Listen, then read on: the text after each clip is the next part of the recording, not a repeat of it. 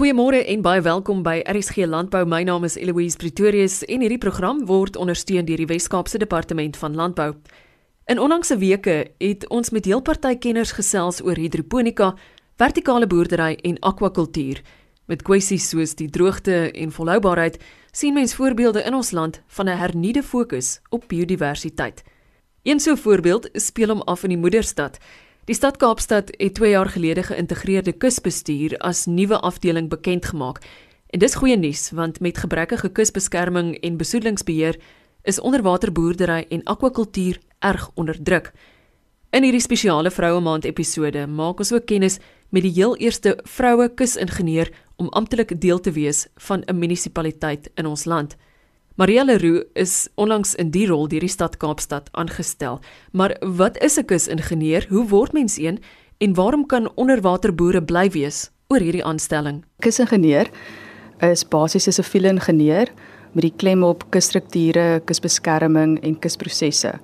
En die verskil is vir kusstrukture dat jy sal addisionele ontwerpkriteria hê. Jy moet byvoorbeeld golfkragte in ag neem of seestrome. En as ek voorbeelde kan gee van kusstrukture, sal mens sê golfbrekers, kaaimure, marine pyplyne, see-uitvalle, seewateronttrekking en kusbeskerming sal weer wees so seemure, byvoorbeeld soos by Seepunt of die strand se nuwe seemuur wat gebou is.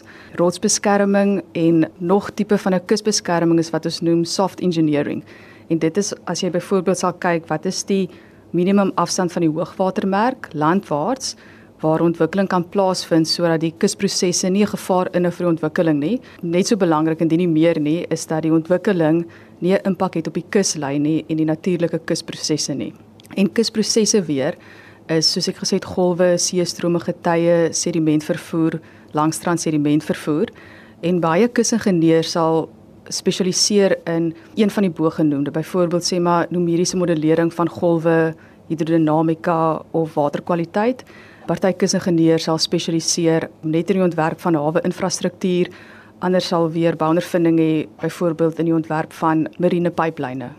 Wat van seevlakstygging? Hoe bekommerd moet ons daaroor wees in Suid-Afrika, ook met betrekking tot voedselveiligheid? Um, seevlakstygging is 'n werklikheid. Ons hoef nie bekommerd te wees dat dit ons lewe gaan beïnvloed vandag of môre of vir 10 jaar nie. Wat wel be uiters belangrik is is dat ons seevlakstygging in ag neem met enige ontwikkeling langs die kus en ook belangrik ons moet in ag neem vir enige nuwe vir die ontwerp van enige nuwe kusinfrastruktuur sodat ons nie dat ons nageslag nie met die probleem sit nie. Daar's tipiese gevare wat enige tipe kuslyn beïnvloed en ons almal ken die gevare. Dit is soos uitbuiting en stroping van jou marine hulpbronne, um, fisiese verandering of vernietiging van habitat, soos byvoorbeeld onvanpaste ontwikkeling, voertuie wat op die strand ry, verandering van varswater invloeye na estuariums en uh, mosmarine omgewing en dan natuurlik besoedeling. En wat mens kan doen, besoedeling moenie mors nie.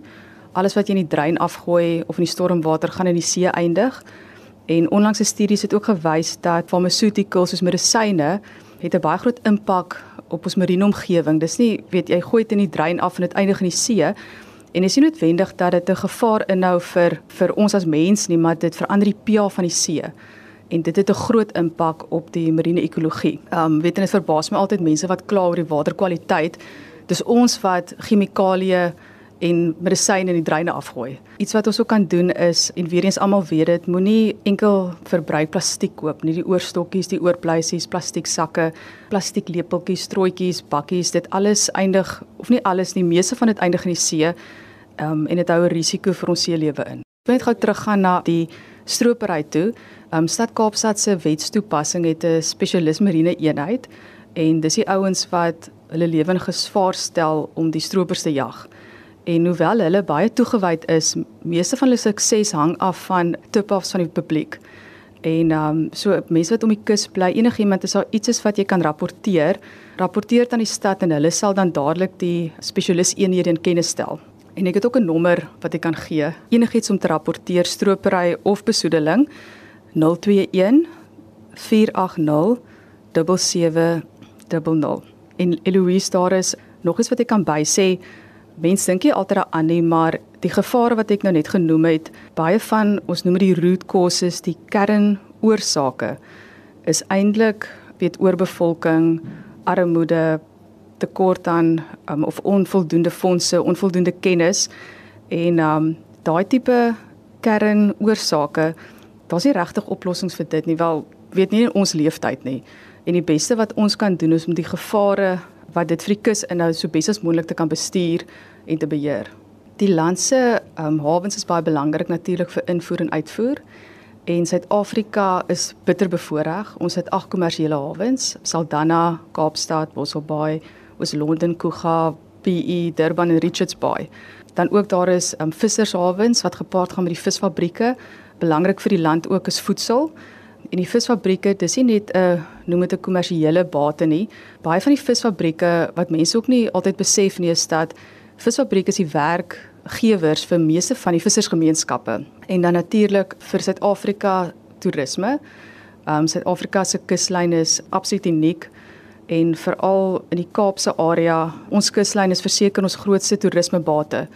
En ook as jy kyk na um, soos nasionale parke wat rond by die see is, Tafelberg Park by Kaappunt, daai parke bring 'n groot inkomste elke jaar vir die land in. Maar wat kan ek en jy doen om ligter te leef en om seehulpbronne op te pas?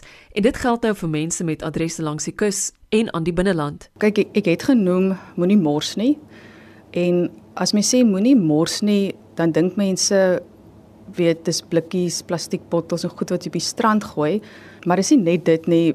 Enigiets wat jy op land ook gooi, baie van dit eindig in die stormwater, in die rivier en op die ou en in die see. So weet en leer vir jou kinders dat waterloop afdraand. Al die water eindig op die ou en in die see.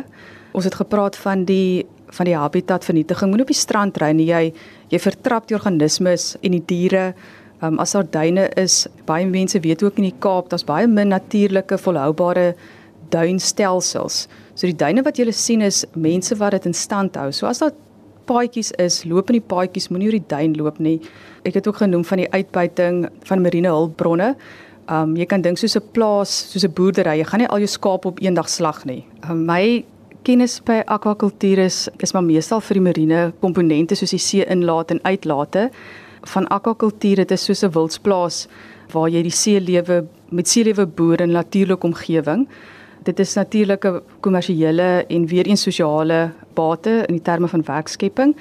Ek persoonlik voel en mense mag dalk verskil, my kennis is nie so goed met dit nie, maar ek ek voel ook in 'n mate dit sit ook op beskerming van sekere spesies vir ons nageslag tot in 'n mate. Biodiversiteit, daaraan dink ek altyd op skool in die biologie daai stories wat ons geleer het van die voedselketting as een organisme of gogga weggelaat word dan val alles om soos dominos en in die kusomgewing is dit presies dieselfde. Daar is geen langtermyn volhoubaarheid as daar nie biodiversiteit is nie.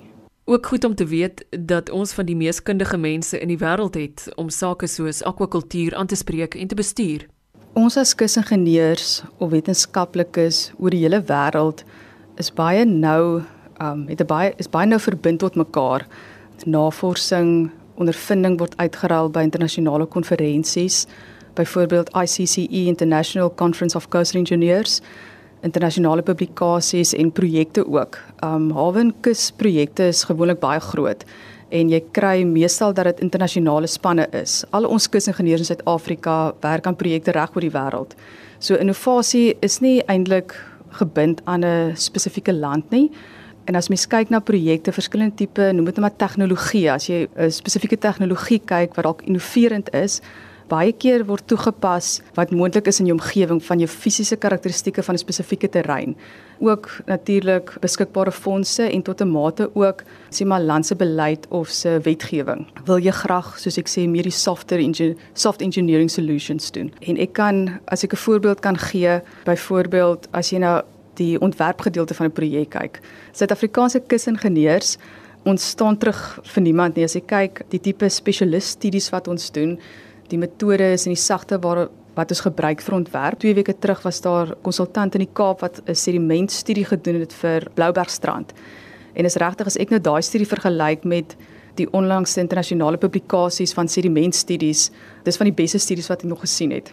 So daar innovasie die metodes en alles um spot aan. Um as ons kom by die uh, ander gedeelte van die projek soos soos ek genoem het die verskillende tegnologieë en implementering daarvan om te verduidelik wat ek bedoel met die omgewing. As ons byvoorbeeld kyk na see-inlate.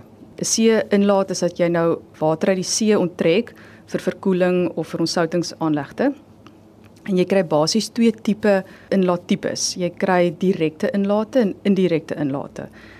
'n Direkte inlaat is waar jy water direk onttrek. Sien nou maar offshore het jy 'n groot inlaatstruktuur wat op die seebodem rus, trek onttrek water en via 'n marine pipeline word dit na die land toe vervoer. 'n Ander voorbeeld van 'n direkte inlaat is byvoorbeeld so Skooberg. Dis op die kus, maar jy onttrek ook water direk. Nou indirekte inlate is as jy onder die seebodem of onder die strand water onttrek. Nou die voordeel is jou waterkwaliteit is bietjie beter. Jy het mos 'n natuurlike filtrasiesisteem. Op die strand soos beach was en sulke goed, dis nie regtig prakties vir groot volume nie. En as ons nou dink aan innovasie, daar is ontwikkelings gewees in noem dit offshore subsea bed indirekte onttrekking en daai goed is in Japan toegepas. Dis basies 'n groot infrastruktuur wat onder die seebodem, dis 'n groot oppervlakte wat bestaan sê met horisontale pype. Nou dit is klink amazing, maar is glad nie prakties in Suid-Afrika nie want ons kuslyn is net te dinamies. So seker tipe voorbeelde in die Midde-Ooste sal hulle hulle 'n paar jaar terug begin om 3 meter diameter polypropylene pype te installeer vir seewateronttrekking. In Suid-Afrika jy kan dink as jy by ons kuslyn staan om 'n sloot te grawe, jy moet jou pyplyn mos nou begrawe deur die brekersone om 'n sloot te grawe waar jy 3 meter diameter pype insit. Net die tydelike konstruksiekos om daai sloot sê maar oop te hou tydens konstruksie gaan honderde miljoene rande kos. So dit hang regtig af in terme van innoverende goederes. Dit hang regtig af wat jou omgewing toelaat. Ons kusbestuurspan, ons werk is om die kus te beskerm en ons neem die verantwoordelikheid baie ernstig op ons doen ons uiterste bes om seker te maak dat ons kusomgewing lanktermyn volhoubaar is vir die gemeenskap en nie net 'n selektiewe groep nie, maar vir almal en vir almal se nageslag. En bygesê daar is nie genoeg geld en hulpbronne om 5 miljoen mense se gemors skoon te maak nie. En al was daar genoeg geld, mens wil ook nie geld so spandeer nie. En dis belangrik dat almal verantwoordelikheid vat vir ons kuslyn om dit te beskerm en te bewaak. Stad Kaapstad se kusbestuur eenheid, dis 'n relatief nuwe eenheid wat omtrent 2 jaar terug ge, um, begin is en hulle rol is wat daar's baie funksies, maar onder andere besoedeling beheer, biodiversiteit, monitering van waterkwaliteit ensovoorts. En onlangs die laaste 2 of 3 maande toe die stad Kaapstad vir eerste keer kusingenieurs aangestel om deel te vorm van die span waar ons meer spesifiek fokus op die kusinfrastruktuur. Weet ons werk as 'n sam, span saam want kusbestuur is die Engelse woord is integrated coastal management, geïntegreerde kusbestuur. Of ons nou teen die see of elders woon, is daar 'n wisselwerking wat die omgewing en uiteindelik biodiversiteit en verbouing beïnvloed. En vir Suid-Afrika se heel eerste vroulike kusingenieur is dit die wil van boere om mekaar te steun wat daar veral na in die hart lê.